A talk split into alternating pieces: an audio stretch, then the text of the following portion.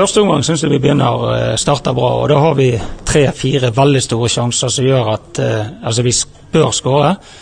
Eh, og gjør vi det, så blir det en helt annen fotballkamp. for da åpner kampen seg, og da vil vi få mer rom. vi gjør det ikke. og etter hvert utover i omgangen syns jeg vi bruker for mye tid med ball. og vi får bekkene litt for lavt i banen, så vi klarer ikke å skape det overtallet og spille gjennom ledd. Andre omganger blir litt sånn da blir de bare lavere og lavere. Og da er det litt det samme bildet som vi har hatt, uh, hadde siste del av første omgang. At vi ikke vi skaper noen store, men uh, det går litt for seint. Uh, det blir enkeltspillerbruk for lang tid med ball. Det blir tre touch når vi slår innlegg istedenfor på ett touch.